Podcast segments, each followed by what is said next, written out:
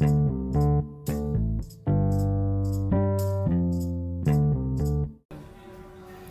semuanya, so balik lagi di episode yang kesekian ya. gue udah lupa ngitung. Eh, Ini ini ini bikin stok, bikin stok episode. jadi gue nggak tahu nanti keluarin di episode keberapa. Oke, jadi sekarang gue juga sama another narasumber. Jadi dia ini teman lama gue dulu waktu di kampus zaman masa-masa kuliah anak psikologi gitu. Yang sekarang berkarir juga di dunia HR kebetulan dan sama-sama rekruter juga nih. Sama-sama rekruter cuman kita beda industri gitu. Nah kemarin mungkin lo udah pernah denger um, episode gue yang ngomongin tentang um, the ugly truth of recruitment. Ketika gue ngobrol sama Ria ya kan? Ria ini rek, um, startup recruiter. Nah sekarang gue udah bareng sama salah satu recruiter juga tapi dari corporate. Um, yang akan bertransformasi pasti gue yakin cuman um, lebih lama dia berkecimpung di dunia korporasi uh, korporasi besar yang sudah tua dengan gaya gaya gaya gaya apa ya gaya perusahaan korporasi banget lah gitu. Let, kita ngobrol-ngobrol sama dia. Apa sih bedanya rekrutmen yang dia lihat di korporasi atau kayak apa sih pengalaman dia ngerekrut orang-orang buat korporasi? Kenalan dulu dong dit. Yes. Halo semuanya, uh, nama saya Edit. Saya bergerak di recruitment and people development sebenarnya dari mulai 2012. Jadi kalau dibandingin sama uh, Teh Erin, kayaknya gue masih cupu banget sih sebenarnya. iya. Karena Bandung, Bandung jadi teteh. gitu. Jadi dari 2012 gue mulai uh, jadi HRD staff tapi lebih ke recruitment dan people development kemudian eh, pindah ke perusahaan kedua itu di people development aja.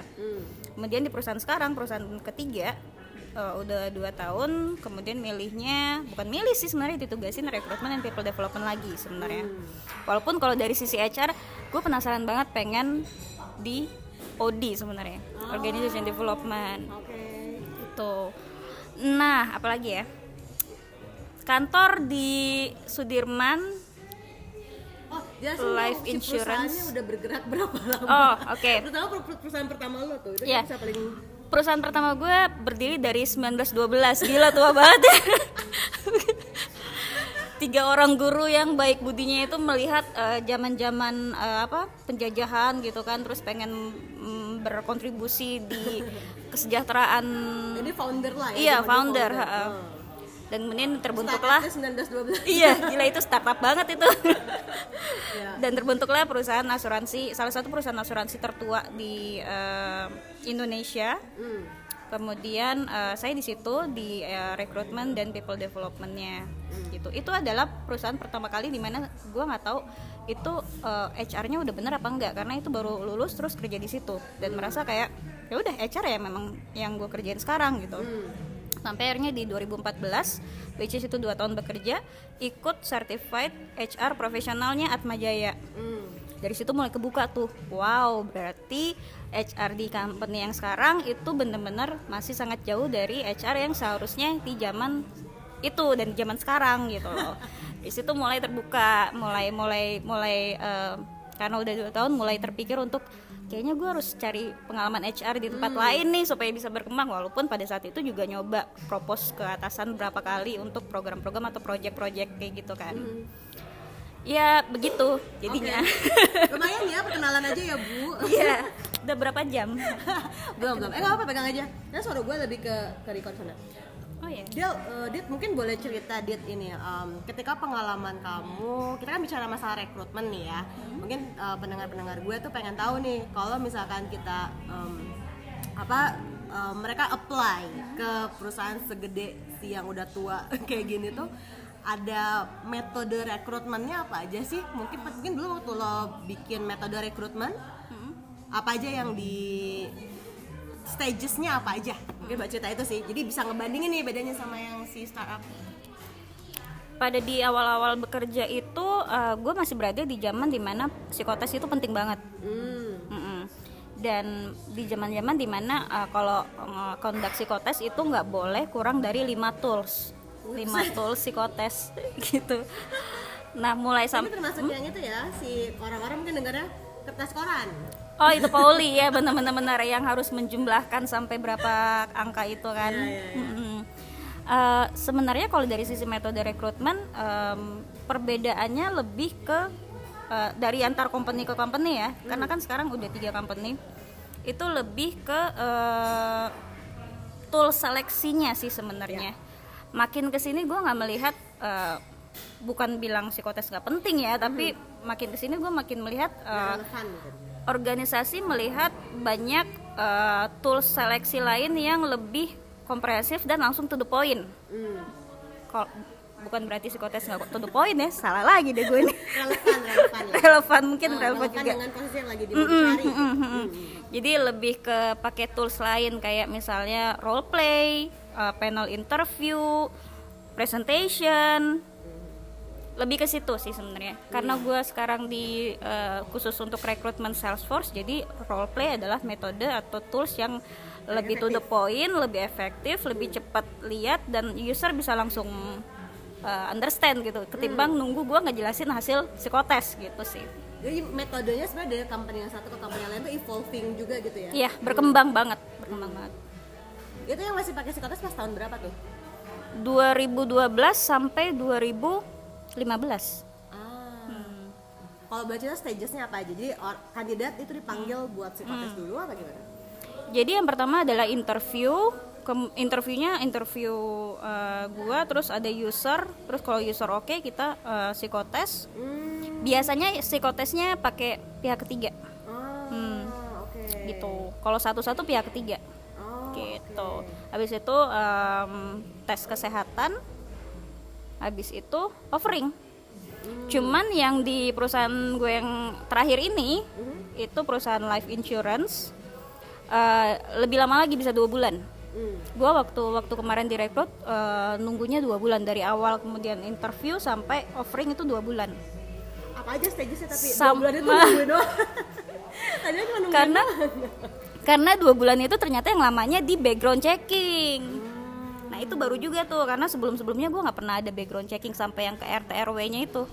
Right. gitu kita nyewa vendor untuk kemudian kita mastiin ini orang bukan uh, penjahat kerah putih ini orang bukan terlibat terorisme ini orang bukan orang yang menggandakan KTP dan lain sebagainya. Apakah ini karena specifically lo ada di financial institution? bisa jadi. Mm-mm, karena kita zero tolerance terhadap fraud. Kayak gitu kayak gitu. Jadi kita make sure kita nggak buka pintu sedikit pun untuk orang-orang yang punya potensi fraud ijazahnya palsu KTP-nya ganda atau gimana gitu Nah, tuh guys hati-hati tuh Hmm. jangan sampai lo memanipulasi dari data lo sendiri nih kalau masuk ke perusahaan-perusahaan terutama financial institution ya. eh tapi kalau di startup ada background checking gitu nggak sih Em, buat beberapa company ada, tapi mostly nggak pakai third party vendor. Kayaknya baru tech company gue yang sekarang ini nih yang kita itu pakai. itu gimana background checkingnya cuman ke reference check hanya reference check. Jadi cuman cuman ensuring bahwa yes dia pernah kerja di sana. Dan gimana sih dia kalau bekerja? Lebih ke personal banget. Jadi benar-benar eh, tergantung bagaimana lo hubungannya dengan mantan atasan gitu ya. Hmm, pernah bikin masalah apa kagak gitu. Iya. Dan tapi kita mesti hati-hati loh. Eh, bisa jadi yang yang jadi masalah adalah bukan si kandidatnya tapi subjektivitas dari si atasannya itu bisa jadi kan itu benar makanya sekarang buat di um, company yang gue sekarang cum- cuman buat yang levelnya cukup di manajemen level atau yang senior level banget Oh, kalau yang fresh graduate gimana? enggak Enggak, enggak ke dosen gitu. enggak enggak enggak enggak, enggak. Siapa Enggak ya segitunya. dia ya? Insya Allah enggak segitunya. Insya Allah kita sangat percaya sama tiap kandidat Iya, kita. Oke, berarti prosesnya panjang juga ya, lumayan ya stagesnya. Mungkin boleh cerita gini nggak, Dit? Terutama di yang pas lo bikin psikotes nih. Apa sih yang penting dari tadi pakai lima tools Pancasila ya? Nyebutnya Pancasila. Maksudnya apa sih yang diukur sebenarnya dari psikotes? Yang pertama kan ada tes objektif ya sama tes kepribadian. Untuk yang tes objektif yang pasti kita ngukur kemampuan intelijensi. Karena di situ dikasih em, apa soal-soal benar dan salah. Sehingga kalau lo jawab salah ya minus. Kalau jawab benar ya dapat poin gitu kan. Sedangkan yang enggak eh, benar dan salah itu namanya tes kepribadian di mana kita mengukur kecenderungan cara bekerja kecenderungan eh, menghadapi tantangan atau menghadapi pressure. Lebih ke situ sih. Gitu. Dan karakter dia secara eh, profesional dan personal itu bisa kita lihat dari situ lebih ke situ sih sebenarnya kalau untuk psikotes. Walaupun udah banyak organisasi yang tidak melihat itu sebagai um, alat yang benar-benar valid karena banyak orang yang sudah dapat bocoran atau kunci jawaban atau trik-trik bahkan dari orang psikologi. Bahkan ini ini lo nyikapinya gini ya nanti triknya begini ya gitu. Jadi jadi nggak pure gitu loh. Benar-benar nah itu tadi yang sebenarnya menarik juga fenomenanya bahwa ternyata banyak buku-buku menghadapi psikotes ya kan? Terus banyak orang-orang tuh lari ke kita anak-anak psikologi cuman kayak eh gue biar lo psikotes gimana sih caranya? Gitu. Lo kalau misalkan lo nih ya sebagai orang yang dulu pernah melaksanakan tes um, psikologi tes terutama buat buat hiring orang kelihatan gak sih bedanya orang yang belajar atau dapat bocoran dengan orang yang benar-benar the truth himself atau herself gitu? Oke. Kelemahannya adalah waktu itu gue menggunakan software untuk scoring. Dan kelemahannya pada saat itu dan sampai sekarang gue masih S1 artinya gue nggak belajar interpretasi secara mendalam karena memang tidak diwajibkan juga dan sebenarnya belum boleh menginterpretasi gitu Iya, kan iya. jadi gue benar-benar kayak eh, pakai software baru dari situ gue combine dengan alat seleksi lain kayak misalnya interview terus keterangan dari usernya dan lain sebagainya lebih ke situ sih kurangnya di situ jadi kalau ditanya kayak gitu hmm, gue nggak begitu yakin gue melakukan analisa sedalam itu sih sebenarnya karena takutnya itu menjadi bias juga secara gue belum punya kompetensi yang mengizinkan gue untuk melakukan interpretasi sedalam itu gitu Pokoknya why tadi dikasih ke third party ya. Sebenarnya betul, party yang memang betul. lebih apa ya istilahnya? Lebih mumpuni lah buat Iya. assess gitu kan ya. Ya, tapi kalau eh, masal biasanya kantor lebih milih gue untuk alasan efisiensi sih. kalau satu-satu baru ke third party. Oke, oke. Nah, itu itu good point. Eh, Ada hal kedua yang kayaknya cuma dilakukan di perusahaan besar nih. Salah satu stage tadi stage eh, apa namanya? stage Background checking. rekrutmennya. Bukan. Apa? Medical check up. Oh medical check up iya ya. What what's the story behind medical check up? Oke. Ini adalah pertanyaan yang pertama kali gue jawab waktu kerja di perusahaan pertama. Hmm. Setelah medical check up dapat nih misalnya dari third party, let's say eh, Prodia kan gitu kan. Dari hasil Prodia itu belum selesai. Hmm. Gue bawa lagi ke dokter kantor. Jadi kantor gue ada dokternya pada saat itu. Gue kasih lagi terus minta rekomendasi dari dokter. Lanjut nggak di dok gitu kan. Ada beberapa kandidat yang misalnya umur 22, 25 dia kayaknya dia nggak lanjut eh, kolesterolnya ketinggian loh apa hubungannya kolesterol sama pekerjaan dia nanti ternyata Ya, karena di startup kita nggak ada loh, startup nggak ada pakai medical check up. Karena we Oh, iya? iya, kita mikir ini terlalu cost- diskriminasi kah gitu No no, costly. oh oke lumayan sih emang ya lumayan lumayan satu orang itu lumayan Ya costly. Jadi kenapa? Pengen tahu aja. Hmm. Oke, ketika dibilang ini udah levelnya udah nggak bisa diobatin pakai obat nih kolesterolnya, tapi harus benar-benar eh bukan bukan nggak bisa diobatin pakai diet. Jadi harus benar-benar obat Hmm. dan obatnya nggak murah Hmm. dan obatnya nggak boleh putus. Kalau putus ngulang lagi, gitu kan? Dan company saya adalah company yang eh, sangat eh, loyal terhadap eh, kesejahteraan kesehatan. Ah, Nah, kom why. ya dan company merasa oke kalau lo sakit ibaratnya ya kasarnya. Kalau lo sakit setelah lo bergiat bekerja untuk perusahaan kita bayarin. Tapi kalau lo sakit sebelum lo bahkan ngasih kontribusi sorry to say gitu loh. Mungkin seperti itu. Bukan mungkin sih. Yang aku tangkap seperti itu dari dokter kantor dan manajer gue waktu itu. I see. Jadi mungkin em, banyak yang bertanya-tanya kan. Sorry kayak kejauhan. Tuh. Kayak banyak yang bertanya-tanya kenapa harus medical check up gitu? Dan kenapa di em, startup kita tidak melakukan si medical check up. Kayaknya mungkin hmm? orang orang obesitas kemudian bisa jadi alasan untuk ditolak? Kan kedengarannya kayak diskriminatif. Oke gue obes oke gue gendut. Tapi kenapa gue jadi ditolak ya?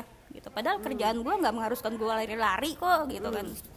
Ya itu salah satunya kalau obesitasnya udah medical reason lah ya. Mm, udah sangat-sangat nggak bisa diobati dengan eh, hal sederhana kayak diet atau atau olahraga kayak gitu ya susah juga sih. Oh gue yakin ini benefit asuransinya bagus banget nih.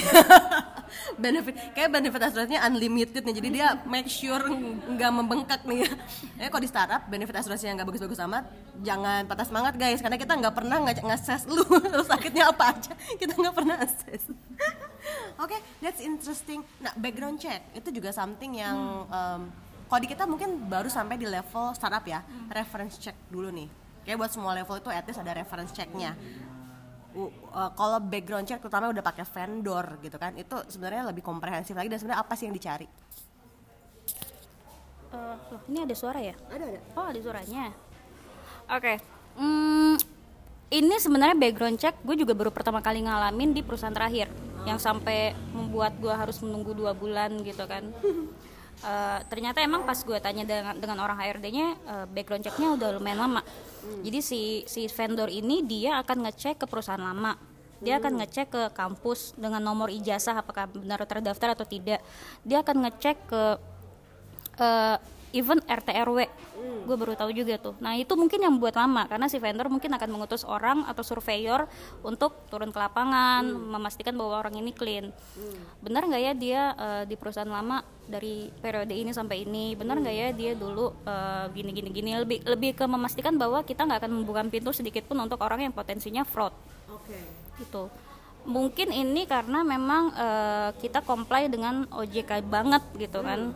Eh, bi- bisa dilihat juga kita punya e-learning yang harus dikerjakan setiap eh, apa employee untuk memastikan bahwa kita ngerti compliance and legal is most important di eh, apa industri keuangan. Jadi benar-benar zero tolerance. Se, se zero tolerance ada satu kejadian di mana eh, ada kampel, em, si karyawan A sama karyawan B pacaran nih misalnya kan karyawan A benefit kesehatannya beda sama karyawan B. Karyawan B sakit limitnya habis gitu. Tapi si karyawan A limitnya masih banyak.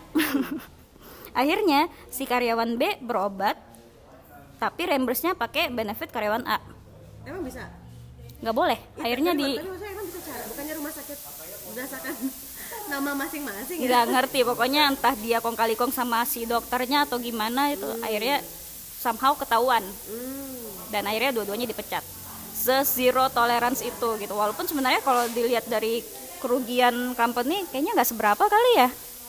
Tapi itu ada potensi. potensi kecurangan. Even kalau misalnya lu udah dikasih company nih limit buat kacamata 5 juta misalnya. Tapi lu eh, memalsukan kwitansi lu beli yang diabal-abal terus akhirnya bang lima ratus ribunya ganti 5 juta dong gitu. It- ketahuan dipi- dipidana gitu. Bukan dipidana dipecat sorry. Bahaya sih memang memang. Jadi kayaknya memang harus ada lembaga yang lembaga yang udah sangat kompeten ya. Kompeten untuk menilai. Ya, or- ya orang punya potensi fraud kita nggak bisa pakai alat assessment nggak bisa ya. Ya harus ngeliat track record kan gitu. Memang memang harus ada track recordnya dia. I see. Oke Kayak itu kalau di corporate emang lebih kompleks ya em, kelihatannya. Tapi tapi juga sebenarnya benefit yang didapatkan pasti nggak main-main lah. Percaya pasti ada ininya kan makanya agak susah. Kalau misalkan ada nggak nih kejadian lucu ketika merekrut kandidat gitu? Ada nggak nih kejadian lucu? Atau mungkin em, ketika lo hiring dulu ya buat si perusahaan yang startup dari 1912 itu? Ada nggak kayak hal apa sih yang bikin lo turn down setiap kali kan kita biasa- kita ada screening ya terus kan interview terus lo ada psikotes gitu kan. Sebelum nyampe ke psikotes dia hal apa sih yang bikin lo turn down kandidat dan ada hal lucu, ada cerita, lucu nggak ketika hiring kandidat Eh, ada perbedaan ketika gue hiring eh, karyawan sama Salesforce. Em, beda tuntutan beda beda ekspektasi gitu kan. Pada saat di perusahaan yang udah tua banget itu gitu loh umurnya. Eh gue merasa banyak orang pintar yang melamar. Jadi eh, kalau misalnya patokannya IPK lulusan kayaknya eh, gue akan bingung sendiri karena banyak yang melamar gitu kan. Jadi gue lebih milih eh, bagaimana dia punya wawasan sama bagaimana dia membawa dirinya ke meja interview. Meaning attitude is eh, attitude matters banget gitu. Kalau gue kemudian tanya eh, tentang profil company profil sederhana aja dari company yang dia lamar terus dia nggak bisa jawab gue lumayan ilfil sih. Karena kita pasti ngundang udah beberapa hari sebelumnya dan ayolah ini udah zaman teknologi di mana lo bisa one click away gitu kan. Lagi nunggu bis lagi nunggu angkot lo bisa buka-buka kayak ini perusahaan apa? At least bisnisnya aja deh core bisnisnya. Terus kemudian eh, apa profil sederhananya aja deh nggak usah yang ribet-ribet banget. Kalau misalnya di company gue yang sekarang lo nggak perlu tahu RBC atau ratio base capital kita gitu loh. Iya nggak nggak usah nggak usah nggak usah buk eh pencet nggak ada nggak ada no no no. Nggak usah buka uh, dat apa uh, annual reportnya juga. Nggak nggak usah lah. Atau atau lo bilang uh, potensi di market outlook 15 tahun ke depan tuh nggak usah juga sih. Kalau masih apa masih baru-baru lulus atau baru setahun dua tahun apalagi lo melamar untuk role yang nggak terlalu mengharuskan lo tahu sedetail itu gitu loh. Itu lo tahu ini bisnisnya apa uh, sejarah singkatnya aja kayak gitu kayak gitu. Dan kena uh, lo pikirin potensi yang akan lo terima ketika uh, potensi yang akan lo dapatkan ketika lo uh, ngelamar atau diterima di perusahaan ini. Itu aja udah udah deh. I see. Iya iya iya iya. Iya sih, kayaknya itu yang paling paling penting ya. Um, cerita lucunya belum tapi ada nggak tapi cerita lucunya? ada Tapi kita sudah diusir nih tapi nih. Hmm. Singkat aja deh, singkat aja cerita, cerita lucunya apa? Kayaknya kayaknya di sini. deh. Oh, sama yang di sini. Oke, jadi pernah beberapa kali ketemu orang yang ketika di interview teler atau mabok. Hah, serius? Pernah, mm-mm. Terus beberapa kali di interview entah gua merasa eh, entah gua, entah gua yang diskriminatif gitu tampilannya atau gimana gitu. Ada yang ketika gue interview dia diem, totally diem. Sambil sambil ngeliat dan gue nggak tahu ini orang kenapa. Terus akhirnya yang yang yang wawancara gantian manajer gue dan akhirnya dia mau bicara. Manajer gue cowok by the way. Nah kandidatnya cowok. Jadi kalau mungkin sesama cowok dia akan ngomong tapi kalau sama gue kayaknya enggak kayak gitu kayak gitu sih dan sekarang udah gelap Iya guys, jadi ini kita udah sekitar jam 9 dan memang coffee shopnya udah mau tutup. Jadi nanti um, hopefully sih ini uh, nambah sesuatu yang baru ya buat kalian satu informasi tambahan. Bedanya rekrutmen yang terjadi di startup sama di corporate, apalagi start, startup juga sih tapi startup 1912 ya. Oke, semoga ini bisa ngebantu lo semua. Um, informasinya juga cukup bermanfaat. Let me know if any questions. Feel free untuk reach out gue ke LinkedIn, Twitter ataupun IG gue. Thank you, thank you Edit. thank you mbak bye Bye bye.